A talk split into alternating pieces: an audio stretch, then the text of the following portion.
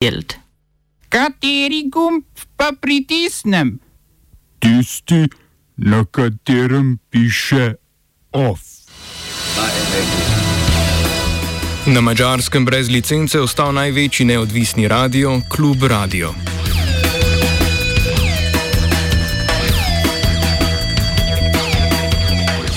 Palestinska politična gibanja dosegla dogovor o izvedbi volitev.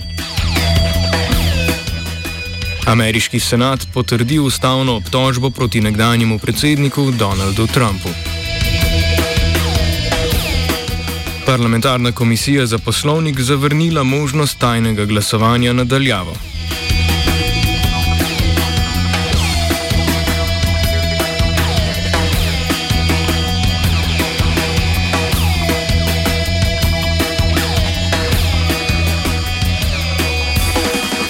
V nedeljo ob polnoči bo ugasnil največji mađarski neodvisni radio, Klub Radio. Radio bo prenehal dajati, ker je sodišče potrdilo odločitev medijskega regulatorja pod nadzorom vladajoče stranke Fidesz, da mu ne podaljšajo dovoljenja za oddajanje. Klub Radio je eden zadnjih večjih, še živečih kritičnih medijev na mačarskem in zadnji pomembnejši neodvisni levo-liberalni radio, ki je že nekaj let tarča napadov vlade Viktorja Orbana. Razlog, zakaj klub Radio niso podaljšali licence, je to, da pred štirimi leti dvakrat ni dostavil mesečnega poročila o vsebini oddajanja. Radio bo od ponedeljka oddajal le še po spletu. Več v offsajdu ob petih.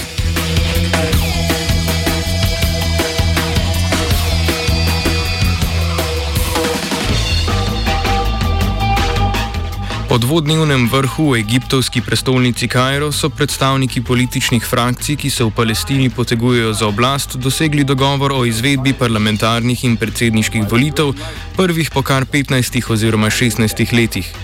V skupni izjavi se je 14 gibanj, med katerimi sta tudi sprta Fatah in Hamas, zavezalo k spoštovanju časovnice, v skladu s katero bodo parlamentarne volitve potekale 22. maja, predsedniške pa 31. julija in priznanju volilnega rezultata. Morebitne nepravilnosti v zvezi s kršenjem pravice do svobodne izvedbe predvolilne kampanje in glasovanja bo presojalo posebno volilno sodišče, katerega pristojnosti so prav tako dorekli na kajerskem srečanju, sestavljali pa ga bodo sodniki iz Zahodnega brega, iz vzhodnega Jeruzalema in iz Gaze. Za varnost volišč bo poskrbela palestinska policija.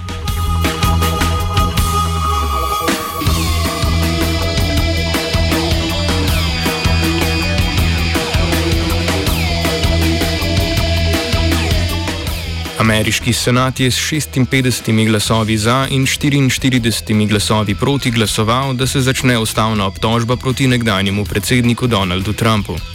Demokratom se je pri glasovanju pridružilo 6 od 50 republikanskih senatorjev. Obsodba pa je zelo malo verjetna, saj zahteva dvotretinsko večino.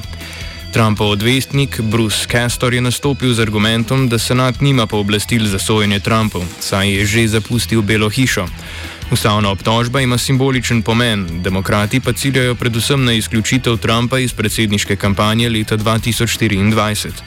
Republikanska stranka sicer pretežno podpira Trumpa in majhna skupina politikov znotraj stranke, ki mu nasprotuje, s kongresnico Liz Cheney na čelu, hitro izgublja vpliv.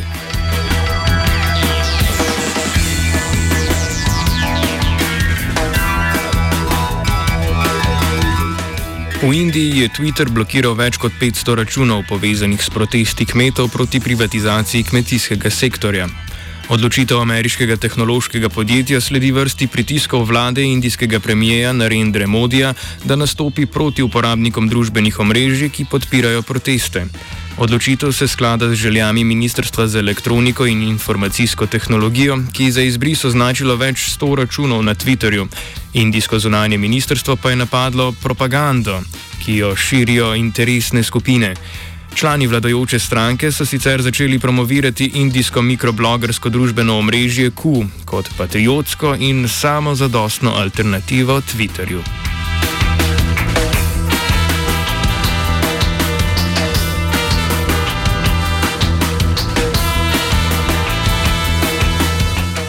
Sudanski premijer Abdullah Hamdok je v borbi s hudo gospodarsko krizo imenoval nove člane vladne strukture.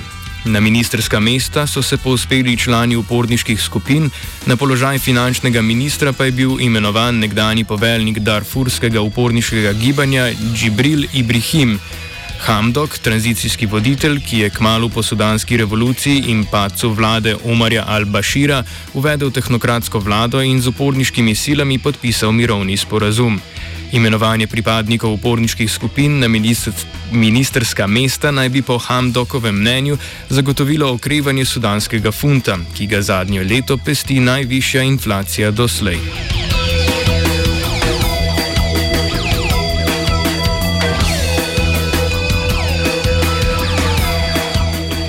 Predstavnik Maorov, Ruhawiri Watiti, je bil izločen iz razprave, ker po mnenju predsednika novozelandskega parlamenta Trevorja Malarda ni nosil kravate. Watiti, ki je od oktobra lani predsednik maorske manjšine v novozelandskem parlamentu, se po prvi zavrnitvi parlamentarnega predsedništva ni oziral na opozorilo in nadaljeval zastavljenim vprašanjem, kmalo zatem pa so ga iz razprave izločili. Incident je zanetil vprašanje o postkolonialnem stanju Nove Zelandije, na Twitterju pa objave o njem spremlja ključnik No to Tie.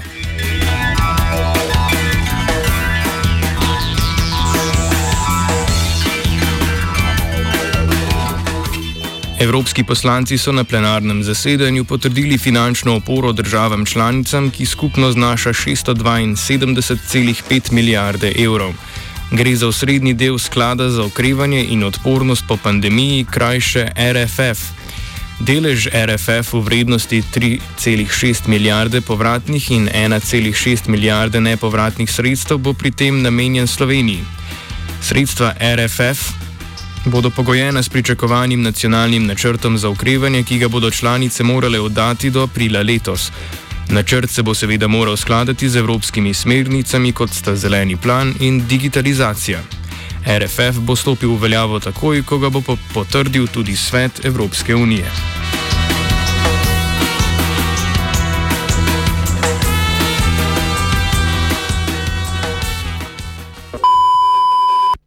Znanstvena skupina z Univerze Cambridge opozarja na vlogo globalnega segrevanja pri nastanku novega koronavirusa. Spreminjanje podnebnih razmer je namreč v kitajskih gozdovih ustvarilo ugodne razmere za širjenje netopirjev. Število netopirskih vrst v kitajski provinci Yunnan ter v sosednjih državah Mjanmar in Laos se je v zadnjih stotih letih povečalo za okoli 40. Povečana gostota vrst netopirjev na določenih območjih pomeni večje število koronavirusov in olajša preskok virusov na druge živalske vrste, ki v habitatu sobivajo z netopirjem. Gosto, gozdovi jugovzhodne Azije so namreč dom tudi vrstama Sunda pangolin in črno-beli zvijaut, ki bi lahko bili prenašalni vrsti, preko katerih je novi koronavirus preskočil z netopirja na človeka. Prav provinca Yunan velja trenutno za verjetni izvor tak, tako novega koronavirusa kot tudi prvega SARS-a pred 18 leti.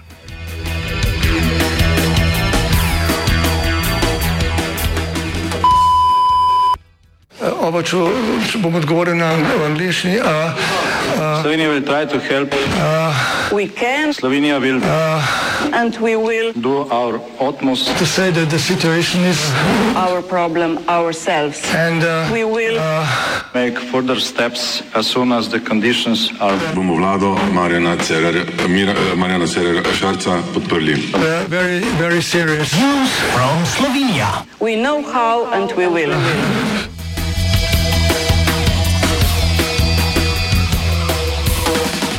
Komisija za poslovnik je zavrnila predlog sprememb poslovnika, ki bi omogočile tajno glasovanje nadaljavo. Za spremembo, ki bi obveljala, če bi jo podprli dve tretjini članov komisije, je glasovalo sedem članov Desus, SAB, SD, SMC, Levice in LMŠ, proti pa so bili štirje člani iz SDS in NSI.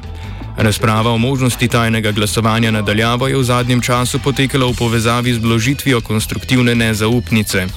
Koalicija ustavnega loka pa jo je ravno zato, ker mandatarski pretendent Karel Erjavec zaradi samo osamitve nekaterih poslancev ne bi dobil dovolj glasov za uspeh, najprej umaknila, danes pa ponovno vložila v parlamentarni postopek.